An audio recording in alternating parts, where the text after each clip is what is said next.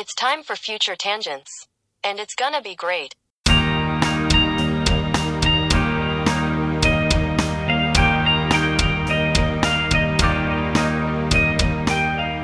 Hej och välkomna till Future Tangents avsnitt 5. Det här avsnittet som ska handla om energi. Och energi som vi ju har massor av eftersom vi till och med vill spela in det här avsnittet två gånger. Jajamensan, vi är små energiknippen. Och vi som sitter här det är jag, Engen Englund. Och jag, Daniel Wintersvärd. Ja, alltså vi har ju gjort de här avsnitten nu några gånger. Vi har kört eh, live-avsnitt där vi satt inför ett helt gäng med lanare som eh, fullständigt ignorerade att det satt eh, två stycken tomtar och eh, poddade. Och vi har spelat in i studio och idag sitter vi i en konferenslokal och spelar in. Vi varierar oss. Och det, det är rätt skönt att kunna göra det. Ska man gå fundamentalt ner på saker och ting så det hänger ju rätt bra ihop med energi. För energi är också sånt som eh, varierar sig ganska bra. Det gör det. Det går upp och det går ner och problemet att lagra det finns överallt. Men om vi börjar så här Daniel, vad säger du? Vad använder vi egentligen energi till idag? För energi är ju ett rätt stort begrepp. Ja, egentligen så använder vi ju energi till sånt som vi tycker är vardag. Eh, Transport, till exempel. Bilar, godshantering, långresor. Och då är det ju både elektricitet och eh, kolväten. Och dessutom använder vi en hel del till eh, belysning. Jag menar, vi lyser upp hela vårt samhälle. Speciellt här uppe i Norden. Mycket viktigt med lampor. Det behövs definitivt eh, lysas upp både, eh, både utomhus och inomhus. Vi har ju skippat det här med det klassiska eh, glödlampor nu och inne på LED-lampor istället. Ja, och där har vi ju sparat mycket energi till samhället. E- Enormt mycket.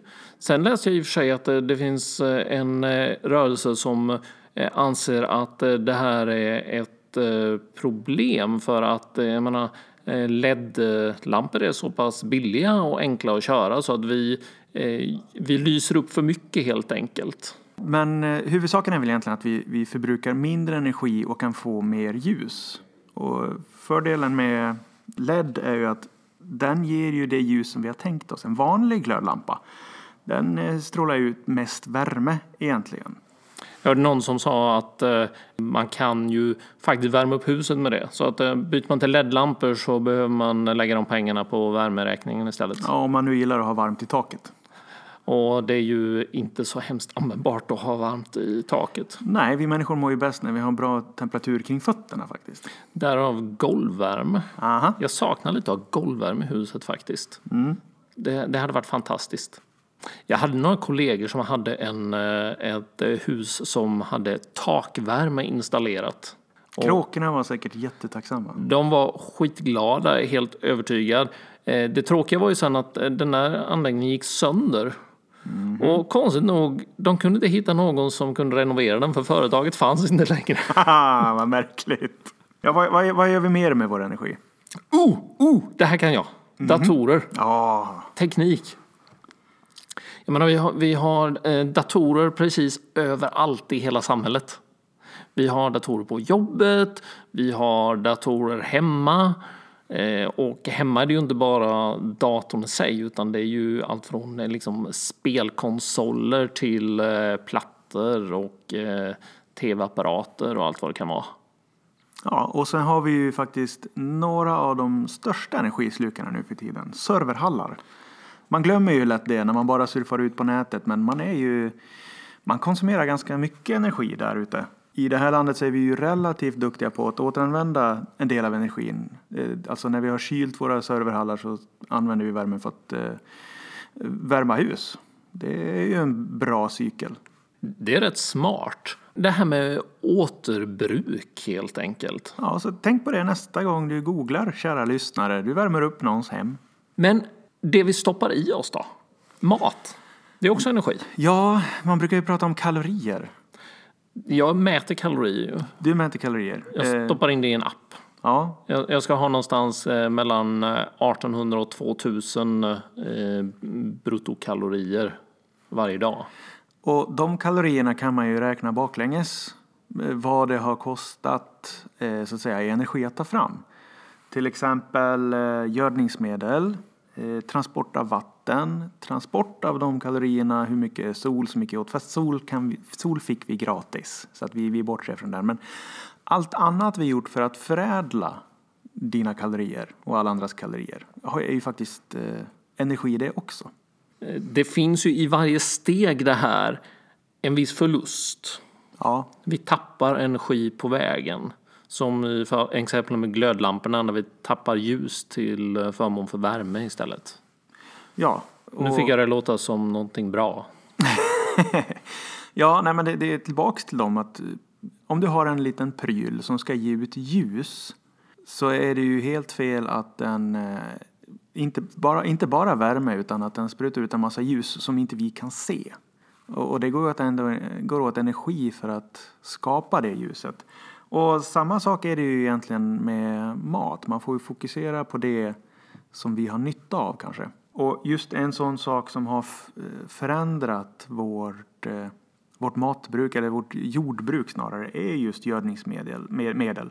Och till exempel då ammoniakbaserat och fosforbaserat. Och det framställer man ju med hjälp av energi. Vatten är också energi. Vi behöver eh, energi för att eh, pumpa fram vatten och bevattna åkrar och eh, hälla vatten på kor och sånt. Rena vatten. Det, jag vet inte riktigt, eh, det finns säkert några siffror någonstans på hur mycket energi vi lägger på att forsla vatten och ta fram eh, ätbar energi. Men eh, som sagt var, mycket av det kommer ju faktiskt från solen i det fallet. Så det, det kan vi ju vara tacksamma för. Solen är skitbra. Ja, det är absolut. jättebra. Bra idé. Men om vi, det, det här är nu. Det här är nuet. Och eh, vi heter ju inte Future Tangents för intet. Vi vill ju titta på framtiden. Absolut. Den fantastiskt bra framtiden. Så det. Vad behöver vi i framtiden gäller energi? Mer av det vi har nu, troligtvis. Alltså till, till en start. För att vi eh, kommer ju att kanske maxa ut på cirka 11 miljarder människor, enligt Hans Rosling. Smart kille så att vi tror på honom. Japp. Om man ska extrapolera det som vi använder mer och mer nu så är det ju bland annat energi till datorer och kanske transport. Men eh, jag vet inte, vad, vad säger du om transport? För där finns det ju mycket att göra för att göra den effektivare. Till exempel att vi, vi kanske inte behöver åka med lastbil när vi ska transportera ett litet brev. Även om lastbilen åker där varje dag. Eh, vi kan ju skippa liksom ganska mycket där genom att helt enkelt skära bort de analoga delarna. Brev som du säger, det, det, är nästan till meningslöst att eh, skicka det för att det, det kostar ju mindre att skicka det digitalt även om eh, servrar och sånt också tar en viss energi. Det, det kan vi skära bort. Vi kan ju skära bort sådana saker som emballage om vi gör det effektivare. Ja, absolut. Om du har en lastbil som går mellan två städer och eh, du har väldigt, väldigt väl em- emballerade produkter så kommer ju den stora massan som förflyttas vara lastbilen snarare än lasten. Ja, precis. Eh, Jag vet att det görs ett försök nu, eh, tror jag, i Stockholm där man har en, en ellastbil som går mellan två punkter. Jag tror det är Eh, Postnords terminal och Arlanda. Där den helt enkelt går fram och tillbaks på el och det är den enda den gör. Eh, det är ju ett smart sätt att ändå frakta sådana saker som är fysiska och som måste fraktas. I, I min ungdom till exempel så körde jag ju tidningar, eh, nattskiftet. Få ut morgontidningen till glada läsare. Och den mängden drivmedel vi blåste på att dela ut till några hundratal abonnenter var, den är, den är helt vansinnig egentligen. Så att jag, jag är ledsen eh, alla tryckerier men jag hoppas ni går i graven så fortast möjligt. Ja, alltså det det här med att eh, trycka upp saker på döda träd och köra ut dem, det, det är ju lite grann förlegat. Vi kommer att ha fler datorer i framtiden. Många fler. Och det är ju bra. Det är bra och förhoppningsvis kan de ju bli effektivare också. De, de blir mindre och eh, eh, mer energieffektiva. Eh, den datorn som eh, var och varannan människa använder mest, det är ju mobilen. Ja, Och de går ju normalt sett på eh, små jätteenergisnåla ARM-processorer. Och det, det måste de göra för vi, vi har ganska pyttesmå batterier i och, och hade de dragit eh, ström i stil med en eh, bärbar eller stationär, stationär dator så hade vi haft eh, sådär en kvarts driftstid på dem. Ja, eller så hade vi haft de här fina eh, mobiltelefonerna som man hade på 80-talet med en liten resväska som vägde 20 kilo. Med typ blybatterier eller Ja. någonting. Precis. Så att eh, det har ju blivit bättre. Det har redan blivit bättre men det kan bli ännu bättre. Det kan bli ännu bättre. Till exempel om vi får till det här med grafenchips, grafenbaserade chips. Då kan vi ju börja diskutera riktiga, riktigt snabba saker för lite energi. Om jag tittar på mitt hus. Jag, jag har mycket uppkopplade saker eh, och en sak som jag har väldigt många av det är ju Chromecast, mediaenheter. Som är ju en ganska liten men ganska specificerad enhet som gör en specifik sak eh, jävligt bra.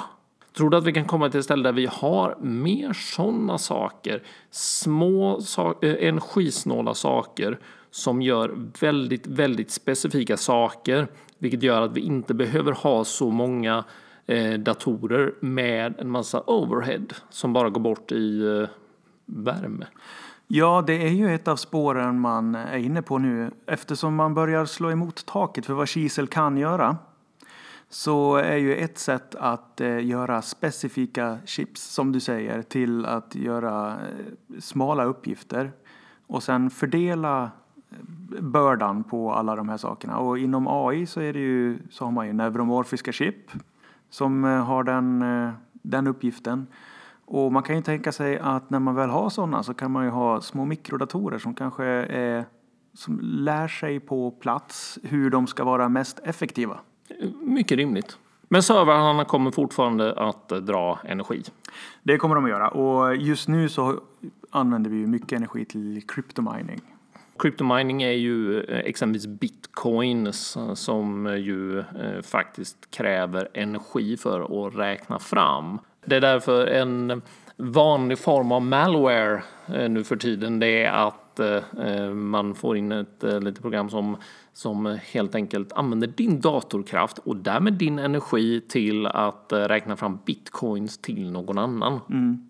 Det kan mycket väl vara så att det blir mer kryptomining i framtiden för att eh, egentligen så tar den ju fram Oh, nu kommer jag inte ihåg riktigt vad det här heter, men i en blockchain, som är ju egentligen det bitcoin är, så har vi ju information som måste räknas fram. Och det enda anledningen till att den måste räknas fram det är för att man vill att det ska gå åt energi och tid. För det är där säkerheten ligger i en blockchain. Så att vi kommer att ha många fler system som är baserade på blockchains. Säkert olika typer av blockchains och då kommer vi behöva köra en hel del kryptomining även i framtiden. Även om det inte blir kanske för mynt eller liknande då utan kontrakt och liknande. Ja, Stefan Ingves han eh, pratar ju nu om den svenska e-kronan som mm. la fram så att eh, det skulle mycket väl kunna vara en, eh, en blockchain-baserad krona. Ja, absolut. När vi i framtiden, som kommer att bli så bra, har de här möjligheterna att använda blockchain i, i större utsträckning så kommer vi nog kunna spara mycket energi på att lägga ner vissa funktioner i samhället. Vissa mellanhandsfunktioner, till exempel eh, notariefunktioner eller eh, skatteverksfunktioner, inte hela då, men man kan flytta över mycket till nätet när man kan ha det de kallar för absolute trust. Ja, det finns ju ingen anledning att vi gör en massa onödigt arbete. Nej, vi är ju tillbaka till det här med brevet. Ja, vi, vi, vi ska ju försöka effektivisera och det handlar ju om att effektivisera våra liv. Och när vi pratar om det här med att förenkla så är vi ju bra inne på det här med automation. Industrin. Ja, absolut. Eh, och där går vi ju mot mer och mer automation för att det blir effektivare. Och det är ju så, vi har ju ett företagssystem. Vi har företag och det är deras uppgift att tjäna pengar. Och det gör man genom att automatisera. För om eh, vi gör det, om vi automatiserar, då blir det ju mer tid över till oss människor. Det är ju förlängningen och det här ska vi ju absolut ta upp sen när vi kommer till framtidens ekonomi. Det kommer bli skitroligt. Jajamensan. Och det kommer att bli så bra. Men innan dess så eh, vi automatiserar ju hemmen redan idag. Ja, det gör vi. Och det har du hållit på med en hel del. Ja, ja.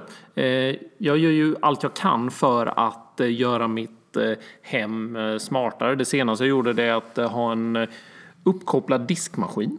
Ah, Det är ju fantastiskt bra. för du kan säga åt någon annan att plocka ur den. Jag behöver inte ens säga åt någon annan att plocka ur den utan jag har ett, en, eh, liten automatisering som skickar ett sms till sonen när diskmaskinen är klar. Briljant. Så kan han säga nej till diskmaskinen istället för dig. Han var lite, lite ställde sig lite frågan när han fick ett sånt klockan halv fyra på morgonen. Undrar, skojar du eller? Jag tänker inte göra det nu. Det här med att, eh, jag menar, att vi har fler uppkopplade saker i hemmet eh, är ju saker som visserligen drar energi men det kan ju också spara energi för att bli, bli, bli bättre på att använda den. Bara en sån sak som att eh, värmen an, i huset anpassar sig efter när du är hemma. En smart termostat som har koll på när brukar du komma hem från jobbet.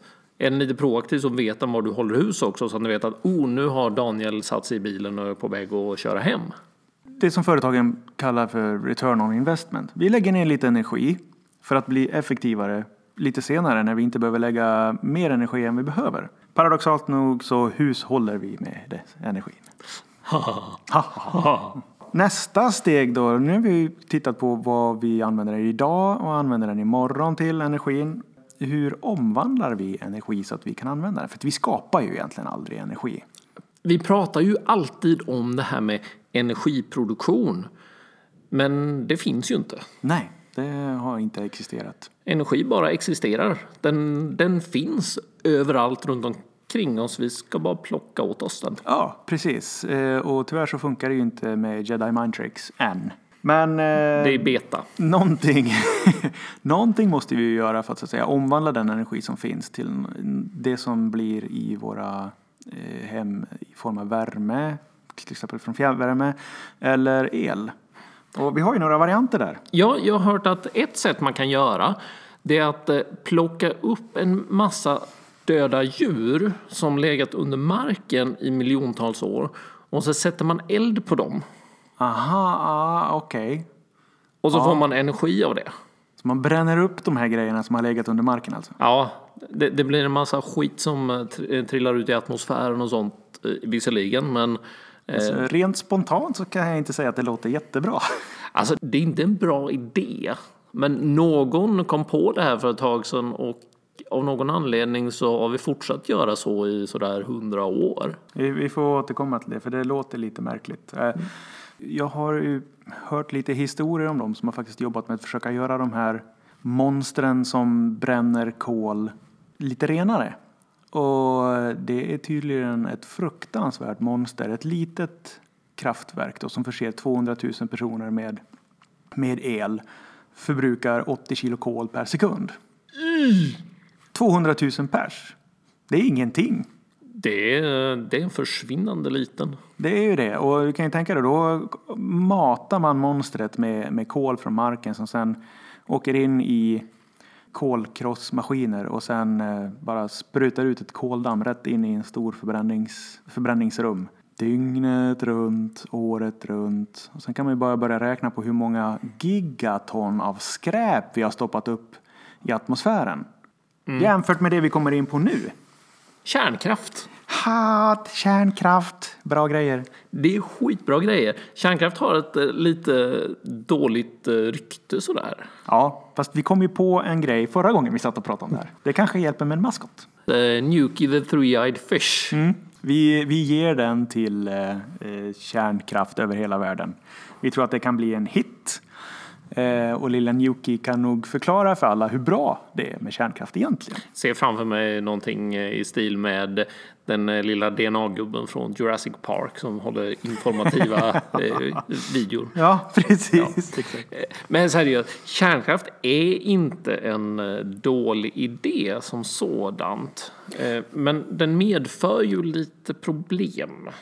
Det är ju som en bil. Alltså, det, det, är- det, det är inte heller någon bra, det är dålig idé egentligen. Men tyvärr så sitter ju människor bakom ratten och gör fel ibland.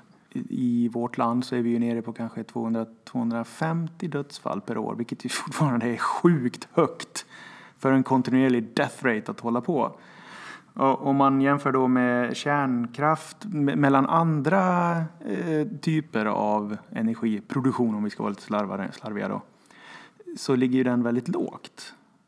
Den, eh, den har inte tagit koll på så många människor. Ja, det har tagit kol på så många människor. Det finns en eh, sida som plock- plockat fram antal dödsfall per producerad megawattimme. ah, Det som är så intressant med det, för det är ju väldigt bra, för det sätter ju verkligen eh, de olika så kallade eh, energiproduktionssätten mot varandra. Och kärnkraft ligger i botten. Den orsakar alltså minst antal dödsfall sett i förhållande till produktionen. I toppen så ligger ju olja och kol. och där kommer de ju ligga kvar. Speciellt om inte vi lyckas, lyckas sluta använda olja och kol. För då kommer vi ju ha producerat en ökenplanet. Alltså jag är säker på att vi kommer, vi kommer ha kvar kol och olja där i toppen så länge det finns ett enda jävla kraftverk kvar som använder det. det seriöst. Eh, Jag tror inte att de här siffrorna heller räknade in eh, strider som vi har kring eh, just det här med olja. Och Nej.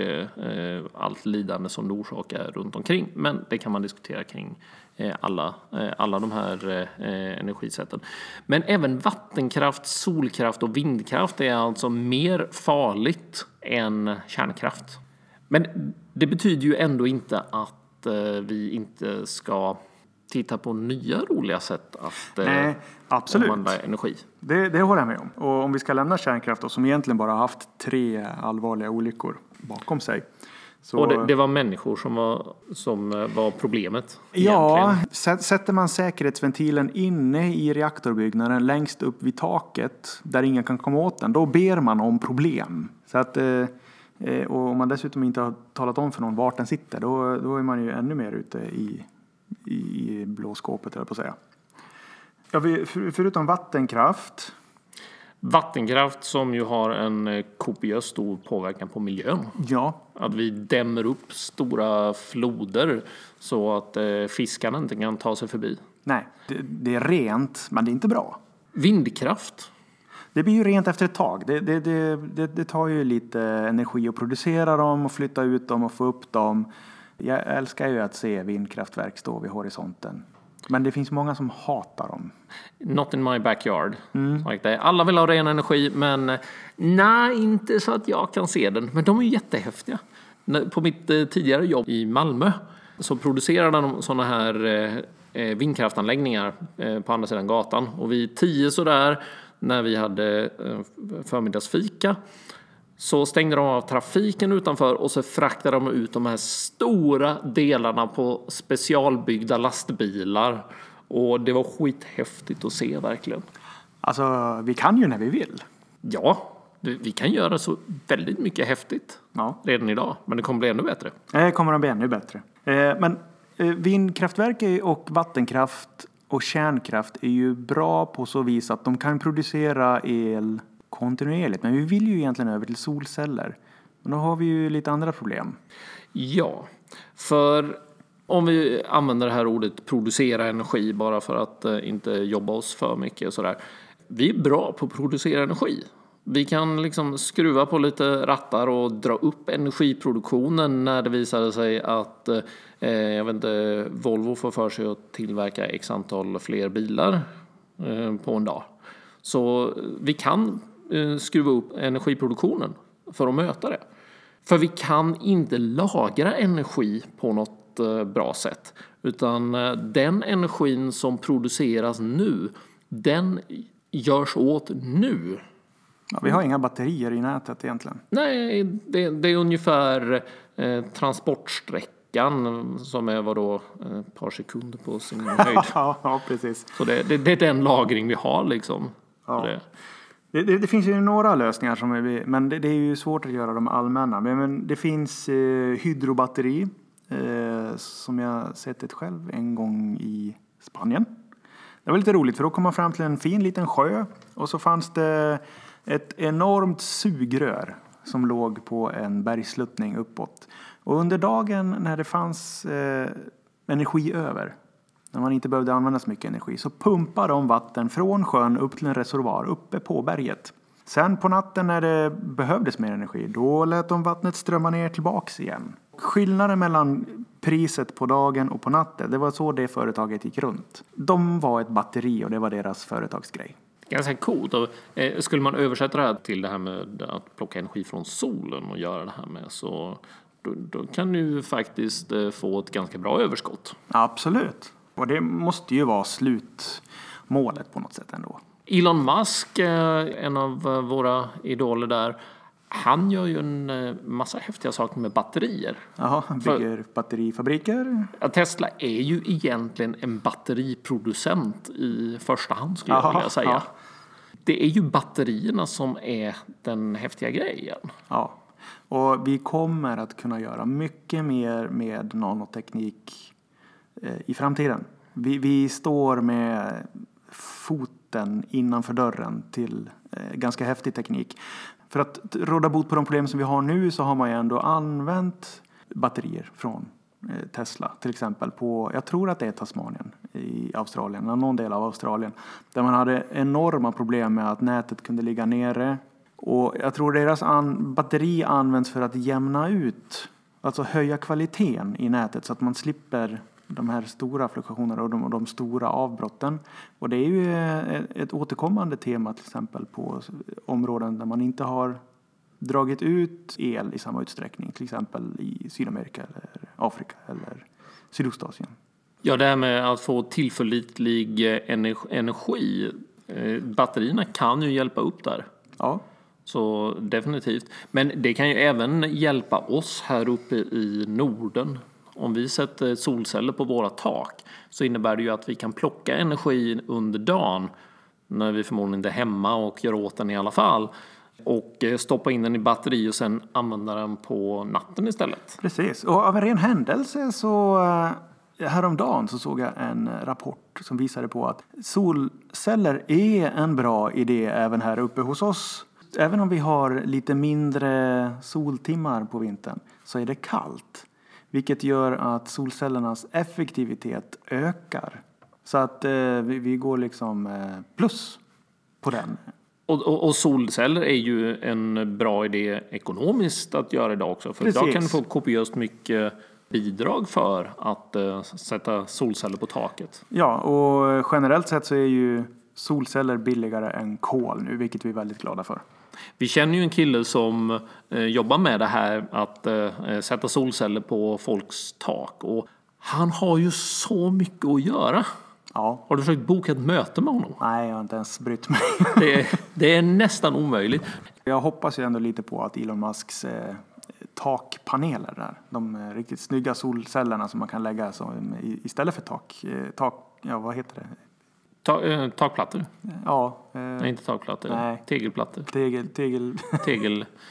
Ni, ni vet sånt där som man har på utsidan av taket. Ja, Vi- vi- eh, vå- Vårt expertområde är inte det här med att eh, bygga hus. Nej, de kommer vi ändå 3D-printa i framtiden så att det, Så, så det behövs 3D-print och sen lägga på de, de här eh, solcellstaken. Precis, så gör vi. Eh, Men det som är intressant med dem det är ju att eh, de är ju jämförbara i pris med ett traditionellt tak. Ja, precis. Och de borde ju olikt ett traditionellt tak betala sig själva också efter ett tag. Såvida inte man tycker om att odla mossa eller liknande. Så, så är man i det här skedet att man ska bygga sig ett hus.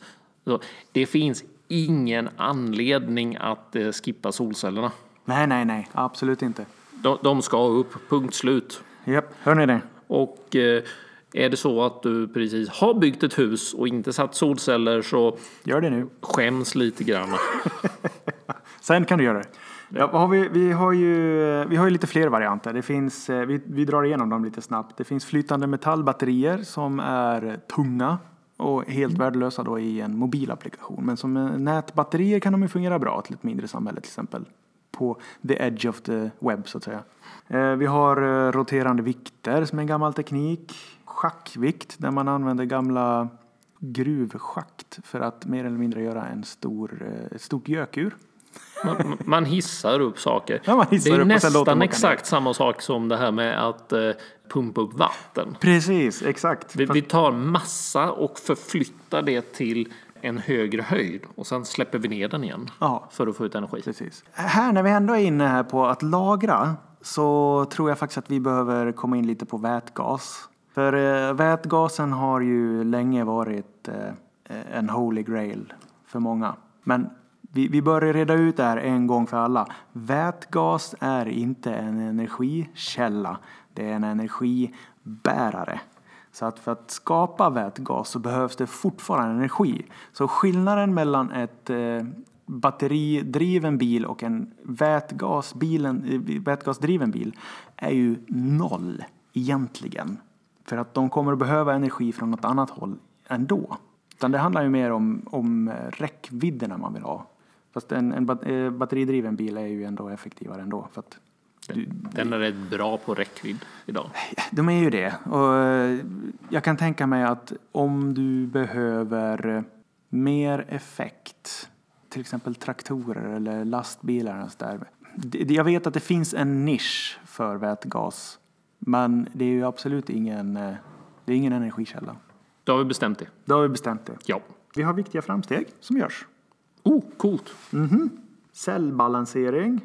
Det, det låter ju lite osexigt kanske, men det är ganska häftigt. eh, och det går ut på att man eh, håller koll på alla cellerna i ett batteri och eh, balanserar de här eh, på ett smart sätt. Och det gör att man kan få ut mer energi, man ökar livslängden på batterierna och man gör det ju givetvis genom nanoteknologi. Därför det finns ett antal sätt. Men att komma långt in i batteriet, jag tror man gör det med en eh, guld nanoprob. Finns det eh, ett sätt att göra det på i alla fall. Jag lyssnade på ett eh, föredrag av eh, en som professor som sysslar med nanoteknik som tagit fram pappersbatterier Ja, med hjälp av nanoteknik. De gav inte mycket energi, men de, de, de gav lite energi. Som till exempel då, man kunde ha en liten sensor i ett mjölkpaket som talar om när mjölken var dålig. Så vi slipper det här väldigt grova sättet att sätta ett datum utanpå.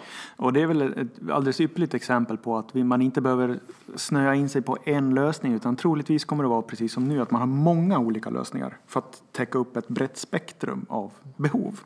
Det där lät ju fruktansvärt bra. Men om vi tittar på framtiden.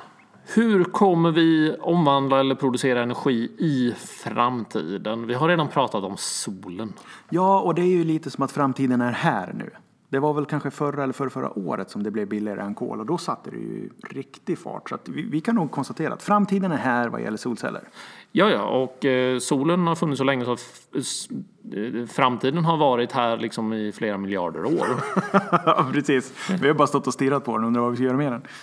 Det är ju kärnkraft. Solen är ju kärnkraft. Det är det absolut. Och det är ju fusion istället för fission. För den som undrar.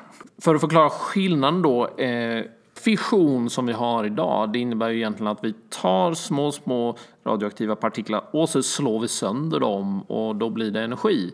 Och fusion så får vi saker att slå ihop sig till större partiklar istället. Precis. Så att vi är på, eh, på motsatta änden av järn som är ett väldigt stabilt eh, ämne. Och för att ha solen på marken då kan vi ju bygga fusionsreaktorer. Det låter coolt. Det är väl eh, ungefär tio år bort. Ja, de, ja, precis. Det är ett stående skämt inom det här att det, fusionskraft är alltid 20 år bort och kommer alltid vara det. Någonting sånt. Ja. Men eh, det, om vi fick det så skulle det ju vara en fantastisk game changer. Avfallsmässigt, eh, om man tittar på energi från kol, jag kommer inte ihåg exakt, men det, det, är ett, eh, det är ett antal tågvagnar per person och livstid i, i, i eh, avfall. Och eh, för eh, vanlig fissionskärnkraft som vi har nu då så handlar det om kanske en, eh, en burk, Coca-Cola-burk storlek. Eller om det är bränslet där, jag minns inte. Men för fusion så handlar det om ett par milliliter. Det är väldigt, väldigt lite i alla fall. Det är det. Det vi snackar om här, det är ju väte. Absolut, och det är ju det vanligaste ämnet i hela universum. Ja, Så vitt vi vet. så vitt vi vet. Och, så att ett kilo skulle ju faktiskt räcka då till en person. Ja, precis.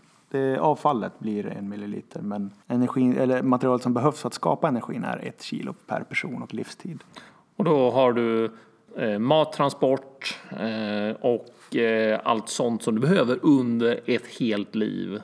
Det vill säga 100 år. Precis, Så jag kommer behöva en 7, 8, 9 kilo troligtvis. in i mina planer. Ja, ja, ja. Det, vi ska ju upp i rymden och ha så, där, så det kommer att gå lite mer. Det lite grann med. Mm. Vi har andra typer av eh, reaktorer också. Som eh, klarar fusion, det har vi. Och den som, eh, den som man pratar mest om just nu, det är väl ITER i Frankrike. Den, den kallas för tokamak efter en, det är en rysk konstruktion. Eller magnetisk flaska. Sen finns det, de har ganska coola namn där. Det finns en tysk variant som är, heter Stellarator. Och istället för att forcera hur plasmat ska röra sig i den här reaktorn så låter man reaktorn vara byggd efter hur plasmat rör sig istället. Så den, den ser ut som någon slags skapelse från eh, mycket varmare regioner, traditionellt bibliska. Men oavsett eh, om man kör de här två varianterna eller någon annan så är det ju ganska hög säkerhet. Ja, ja, det, reaktionen hålls inte igång om man inte tvingar den att hållas igång. Precis, så skulle det, skulle det bli ett hål någonstans så slutar den ju bara. Strålningseffekterna från de här eh, från neutroner är relativt farliga, men eh, det är ju först när man står ganska nära reaktorn.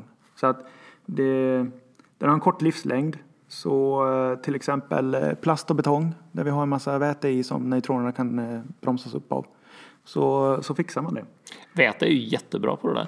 Jag, Väte är fruktansvärt bra. jag, jag läste att eh, om eh, du eh, har en, du har ju de här kylningsbassängerna i vanliga eh, klassiska kärnreaktorer. Eh, om du badar i en sån, hur farligt är det? Säg att den är en tre meter djup eller någonting. Bra fråga. Hur farligt är det? Det är relativt ofarligt faktiskt. Eh, Är du, är du på, eh, på sådär eh, en, en och en halv meter djup så är det ganska safe. För att strålningen avtar så snabbt och tas upp av eh, vätnet. Så att eh, du kan alltså bada i de där. Jag skulle inte rekommendera att göra det för att eh, jag är övertygad om att någon kommer, kommer att arrestera dig och sedan Ja, det, det blir jobbiga, jobbigt att förklara för det släkten och sånt.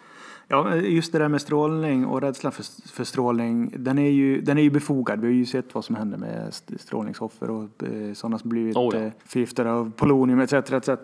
Och med fusion så har vi ju en liten andra, annan situation.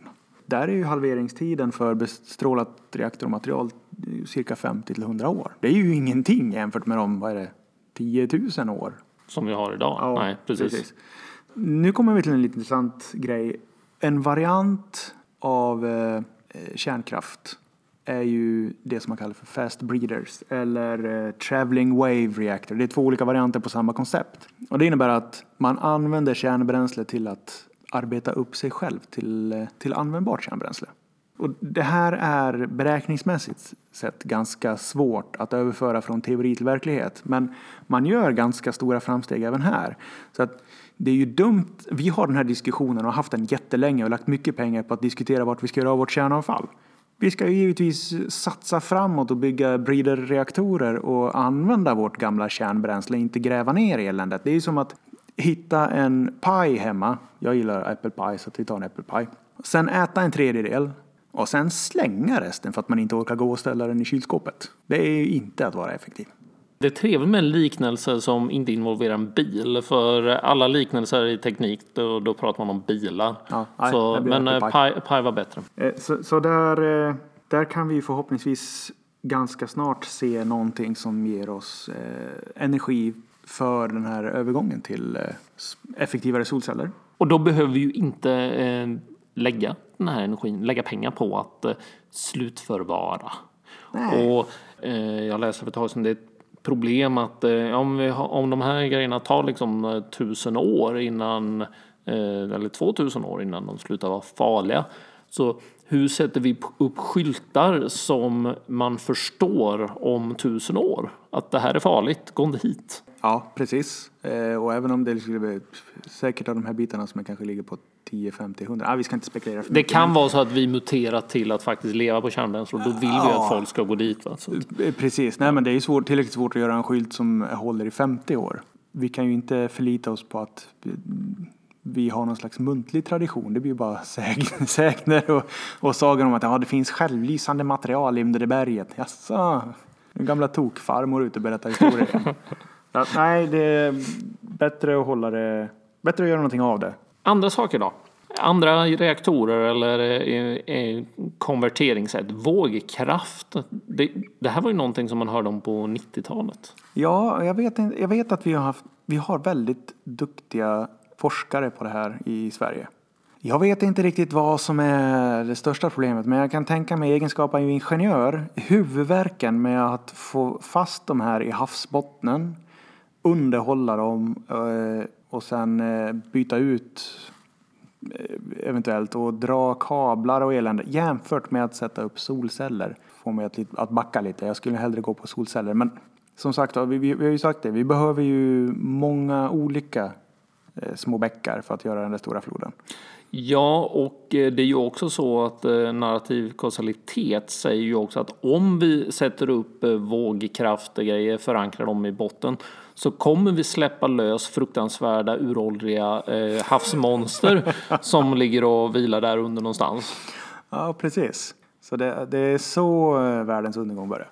Alltså det, det kan ju vara civiliserade havsmonster. Jag kan säger det inte vara. det, men, eh, men det är någon sån, eh, monster som vi måste lära oss leva i samförstånd med. Ja, Dela resurser med. de kanske har några bra förslag. De kanske är Alltså anledningen till att de, eh, de lever där under havsytan det är förmodligen att de lever väldigt nära eh, jordens kärna och är bra på att eh, plocka upp energi därifrån. Geotermiska, som isländarna. Ja, exakt. Men eh, om vi ändå är och eh, traskar lite ännu längre fram till så Och- finns det ännu häftigare saker. Jag tänkte du säga eh, off topic, men Nej, det här är very on topic. det är on topic. Ja, Vi kan ha smartare energiskördare. Man kan göra det både i vattnet och i luften. Att man har smarta vingar som åker fram och tillbaks och låter sig eh, bäras upp av luft eller vattenströmmar och sen eh, seglar ner igen och på detta sätt genom att den är antingen kopplad till en generator. Men jag menar, det, det här är egentligen ganska ska vi säga jordnära eller havsnära saker. Det finns häftigare saker vi kan göra. Det finns häftigare saker vi kan göra. Vi kan bygga en Dyson Sphere. Det är skithäftigt. Jag ser det på Star. Trek. Ja. och ehm, i, i vårt fall, alltså det som blir mest praktiskt är att prata om en Dyson, Dyson eh, eh, Cloud kanske. För att, att bygga en, eh, en hel, ett helt tättslutande skikt kommer att gå åt ganska mycket material. Om, om vi backar ett steg bara för att förklara vad Dyson Sphere är i, Ah. eh, i eh, ska vi säga, för folk som inte läser science fiction eh, så handlar det ju om att eh, eh, låt säga du tar och bygger ett, en vägg, ett stort klot så att du har eh, solen och hela solsystemet inne i den så att du kan eh, fånga upp liksom all energi från solen. Ja, i, i alla fall solen. Eh, det finns något som kallas för mat, matryoshka brain. Där brukar man prata om att man bygger in hela, hela, hela solsystemet också. I flera lager. Där har du, ja, precis som en eh, sån här, eh, rysk docka. Ja, eh, vi kan återkomma till den när vi pratar AI sen. Men vi, vi återvänder ju till solen. Det gör Exakt. vi. Och det är ju med solceller eller kanske konvertera direkt från värme till el. Beroende på vad vi har för teknik när vi har tagit oss upp dit. Men målet är ju att så att säga skörda i mer, mer eller mindre all energi som kommer ut från stjärnan. Och det, det räcker med en ganska liten del för att tillgodose våra modesta behov att eh, eh, kolonisera vår lilla del av universum här. Vi får väl, man måste ju börja någonstans säger de. Och det, det, fin, det finns ju ett, eh, ett värde på det där, eller man pratar om hur stor andel av eh, solen som, solens energi som man eh, faktiskt använder som samhälle. Och Ja. Som ett mått på hur avancerad man är. Vi pratar om Kardashev-skalan. Eh, och eh, sen så blev ju den eh, justerad av Carl Sagan. Men egentligen så handlar det om att beskriva hur mycket energi som är tillgängligt för en civilisation. Och ett mått på deras utveckling, tekniska utveckling. Och vi är för närvarande på 0,72. Det innebär att vi inte riktigt är en typ 1 eh, civilisation än. Och en typ 1 civilisation kan utnyttja all energi som finns tillgänglig på en planet. Eh, typ 2, då är vi uppe och använder en stjärna, i vårt fall solen. Och typ 3, där kan man använda energin hos en hel galax. Eh, vilket jag tycker vi ska testa någon gång. Det verkar jätteroligt. Det är jättecoolt. Det är ju de där havsmonsterna då som eventuellt vill ha en del av den energin. Precis, men vi kan dela. Vi kan dela. Vi kan dela. Absolut. Vi har plats. Eh, Men för att återgå till Dyson Sphere lite grann. Att vi, det kommer ju ta kopiösa mängder material att bygga ett stort Till slut får vi nog göra som i en av våra favoritböcker, Bob. och åka och eh, sno material från eh, andra planetsystem. Men egentligen så räcker det med att bygga ett moln av eh, rymdstationer egentligen. Vi kommer väldigt långt med det. Och till det så behöver vi kanske bara en typ en 10-20 procent av Merkurius. Det känns ju också som en dålig idé att åka till andra solsystem för att hämta material och ta, ta oss tillbaka till vårt eget solsystem. För har vi tagit oss till andra solsystem så alltså, då är vi nog rätt jävla bra på att ta hand om och förvalta energi. Ja, den boken är väldigt bra men det där är kanske liksom en här typisk science fiction konstruktion för att man ska kunna hitta någon, någon aggressiv... eh, En bad guy. Ja, precis. Så in, inte riktigt eh, realistiskt. Det är inte realistiskt eh, ur ett praktiskt perspektiv. Det är inte realistiskt ur ett eh, nödvändighetsperspektiv och det är inte ens realistiskt ur ett narrativt perspektiv. Nej, precis. Så att eh, vi stryker den helt enkelt. Vi, vi stryker den helt. Men däremot så kan vi göra den här Dyson Cloud i alla fall. Det verkar ju fullt möjligt och vi behöver inte jätteavancerad teknik. Vi, vi skulle kunna bygga en stor del av den på ett par tusen år kanske. Det är, det är ju bara runt hörnet. Ja, visst, visst. Solcellsfarmer. Eh, som vi nämnde, man kanske har eh, en- energi direkt från värme till el. Och eh, när vi ändå pratar om rymdfärder och eh, att vara i rymden så skulle man även kunna bygga en, en orbital ring och ha, eh, samla energi på denna och sen skicka ner. Man skulle även kunna dela med sig av ström som eh, eh, produceras på den soliga sidan av planeten till den mörka. Och en orbital ring är ju egentligen en, en av sådana här megastructures eller gigastructures som består av att man får upp en, i princip en kabel runt planeten och sen har man eh, en kabelvagnar som åker på de här så pass fort så att de står geostationärt. Väldigt förenklat. Väldigt förenklat, ja. Eh, det finns problem med det där. Inte minst att eh, massan av en kabel som hänger ner kommer innebära vissa strukturella problem. Så vi behöver ha lite Exakt. eh, nya material. Ja, fast det här är ju i alla fall enklare än en rymdhiss som måste gå ännu, mycket, mycket längre ut. De här kan vi lägga på kanske 8 till 10 mil rakt upp och då kan man ju nästan använda dagens material till att fixa det. Ja, det är ju ingenting. Nej, nej, nej, precis. Och det, det räcker ju att komma upp en liten bit. Fast jag vill ha en rymdhiss i- alla fall. Ja, det är klart. Bara för att vi inte kan göra det nu betyder inte att vi inte kan göra det sen. För i framtiden kommer det bli så bra. Ja, absolut. Vad har vi mer då? Black hole battery. Svarta hål. Ja, nu närmar vi oss the edge of evenly theoretically plausible. Men och det, här, det här höll väl eh, Hawkins på lite grann med. Det bygger på Hawkins radiation. Väldigt häftigt eh, uttryck. Vi kanske inte ska göra det på jorden. För att eh, om man nu skulle tappa fokus lite grann och bara göra ett litet svart hål så eh, exploderar det faktiskt i snabbare takt än ett stort svart hål. Så man vill ha en lagom stort svart hål. Och det enda sättet att göra det här det är ju att eh, smälla in tillräckligt mycket med energi på ett sånt litet område att eh, energin inte hinner iväg och mer eller mindre skapa massa on the fly. Jag, jag känner att eh, vi har, har redan täckt de bättre alternativen. Ja, det, jag, mm, det, om man vill bygga ett baltskepp åka runt med så är det ett alternativ, visst. Men du måste ändå åka till en stjärna och tanka. Och då kan vi lika gärna bygga eh, ganska häftiga Death Race från stjärna till stjärna och göra en slags intergalaktisk highway. Jag känner att vi kanske kan få komma tillbaka till det här i ett annat avsnitt. Och ska du bygga ett eh, skepp som drivs av ett svart hål Ja, vi, vi vet hur det gick för Event Horizon. Ja, precis. Det var en dålig idé. Exakt, men det kanske var utformningen som var dålig. Jag ser framför mig dödsstjärnan snarare. Sant? Dödsstjärnan är bra. Ja. Eh, Ja, i och för sig, den har inte överlevt den heller. Den, den, den hade lite designmissar, ja. Precis. Det får vi köpa, men eh, vi, vi, liksom, vi har tagit oss igenom två stycken betatester. Så nu känner jag att vi, vi, vi, vi har förutsättningarna för att bygga den. Yes, små jäkla dörrar om vi ska ha några. kan också reflektera över det här med eh, Jedi när de eh, spränger den andra dödsstjärnan.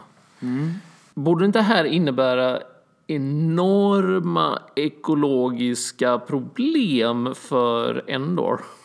Ja, just det. Ja, man kan ju hoppas att de var så pass högt upp att de skrotet ligger kvar i omloppsbanan i alla fall.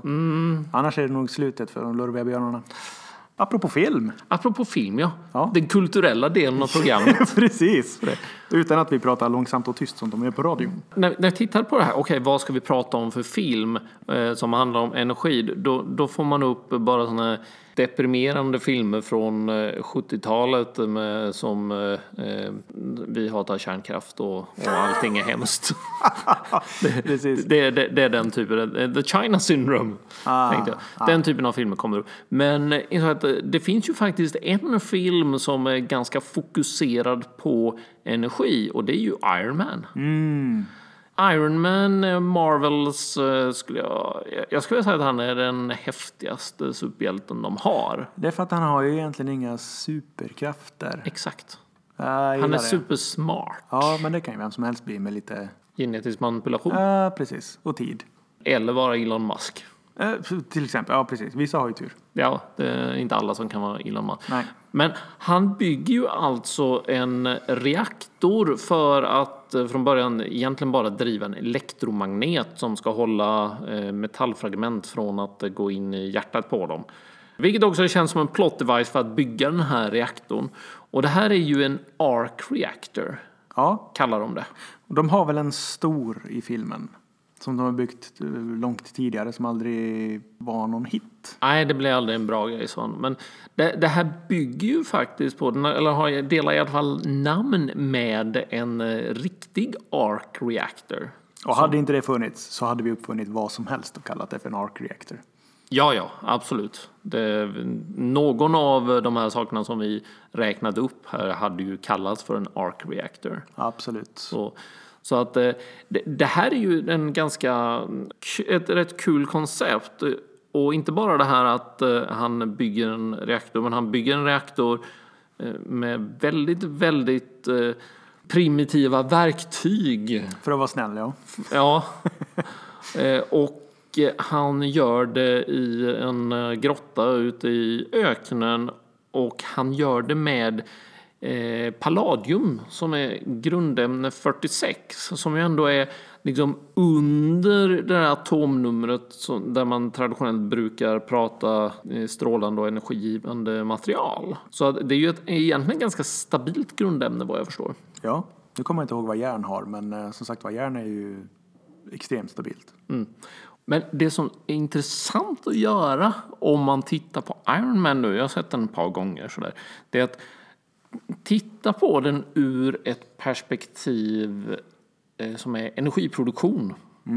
Va, vad behöver vi egentligen för energi för att eh, eh, eh, Iron Man ska kunna flyga och göra alla häftiga manövrar som man gör? För det är inte bara så att han flyger utan att han eh, stoppar sin egen fart i, i luften liksom på ett ögonblick. Ja, och han kan ju lyfta en massa grejer. Va? Det är flygplan, eh, precis som Stålmannen. Det är flygplan och pryttlar och han kan eh, trycka iväg material med de här repulsor technology som de har. Va? Ja, Eh, och det är väl kanske en sak som många av de här hjältegrejerna eh, grejerna faller på. Att energibalansen oftast inte är korrekt. Det är ingen idé att ge sig på när det är magi va? Egentligen. Nej. Men, men i Iron Mans fall så är det ju lite fisigt av honom att hålla en fungerande teknologi för sig själv. Nu, nu höll han det ju inte för sig själv för de byggde ju en stor reaktor och eh, det var ingen som ville ha den. Ja, det, det är sant. Så eh, troligtvis åkte han också på någon sån här eh, besserwisser-kommitté. Och eh, han behöll inte sin egen lilla reaktor för sig själv heller för att eh, det var någon som snodde den. Men eh, just det, spoiler alert. Vi kan klippa in en sån någonstans. Ja, Eller nej. inte. Jag, jag tror man får räkna med spoiler alert på en eh, film som är eh, vadå, tio år gammal eller Oj, någonting nu. Ja, det har gått lång tid nu. Nej, men den är ju ändå intressant för att den är väldigt energicentrerad. Det är den. Utan den reaktorn så hade ju Iron Man bara varit en, en hög på golvet. Ja, eller möjligtvis en eh, liksom, traditionell eh, riddare från medeltiden. Och det, det hade inte alls varit samma grej. Det är inte alls samma grej. Nej, nej, absolut inte. Vi räknar att köra på honom med en, eh, med en lastbil som var det klart. Eventuellt eh, eh, inpluggad i ett vägguttag. Mm, precis. Ja, det hade varit lite roligt. Men vänta nu. Eh, nu. eh, Var det inte det han hamnade i typ tredje filmen eller något sånt där? Att han fick ha ett batteri med sig för att kunna, eller missminner jag? Det kanske var Short Cir- Circuit Johnny number five det här. Min, minns faktiskt inte. Ja, Okej, för det hade varit en väldigt kul scen om man kommer dragandes med en, eh, en shoppingvagn med massa batterier bara för att kunna driva dräkten. Det, det är liksom eh, 80-tals eh, eh, mobiltelefonvarianten av Iron Man. Precis. Kan ni flyga? Ah, not so much. Jag tror att det börjar kännas som det är dags att runda av, eller vad säger du? Ja, för andra gången. Det är väl dags att eh, dra sig tillbaka och samla ny kraft inför nästa avsnittsämne. Och det känns nästan som med tanke på att eh, det här av, av, avsnittet har legat och grott lite grann och vi har spelat in det två gånger så har det gått en väldig tid sedan förra avsnittet. Ja, Att eh, vi får nästan försöka sikta på att spela in nästa vecka eller någonting. ja japp, det får vi göra. Så att vi tar väldigt, väldigt kort tid den här gången. Ja, Vi vill ju komma fram till ännu roligare ämnen. Yes. Ännu roligare saker som händer i the framtiden. grand scheme. No spoilers. Yet. Tack så hemskt mycket för att ni lyssnade i alla fall. Och eh, vi vill eh, naturligtvis tacka Duke Deck som är AI som har gjort våran eh, fantastiska intromelodi. Och ni hittar mig, Engen, på engen.se. Ni kan också lyssna på min andra podd som jag kör själv som heter Rocking the Digital Life. Den finns på ställen där man eh, lyssnar på poddar. Och den finns på Youtube och jag sänder den live på Facebook ungefär fem dagar i veckan. Var hittar man dig Daniel? I framtiden, troligtvis. I framtiden? I, ja, eh, inga spoilers där, men eh, långt in i framtiden. Jag finns ju tillgänglig via Future Tangents. Så på futuretangents.com så kan ni gå in och ni kan prata med oss på Facebook i Future Tangents-gruppen eller på Future Tangents-sidan. Vi kanske skulle ha en grupp också för folk som vill prata eh, hyperrealistiska framtidsscenarion. Mm, ja, det borde vi ha. Vi skapar en sån. Vi gör. Det- Så när det här avsnittet kommer ut så finns det en grupp. Ha det fantastiskt bra och eh, framtiden Kommer att bli så bra.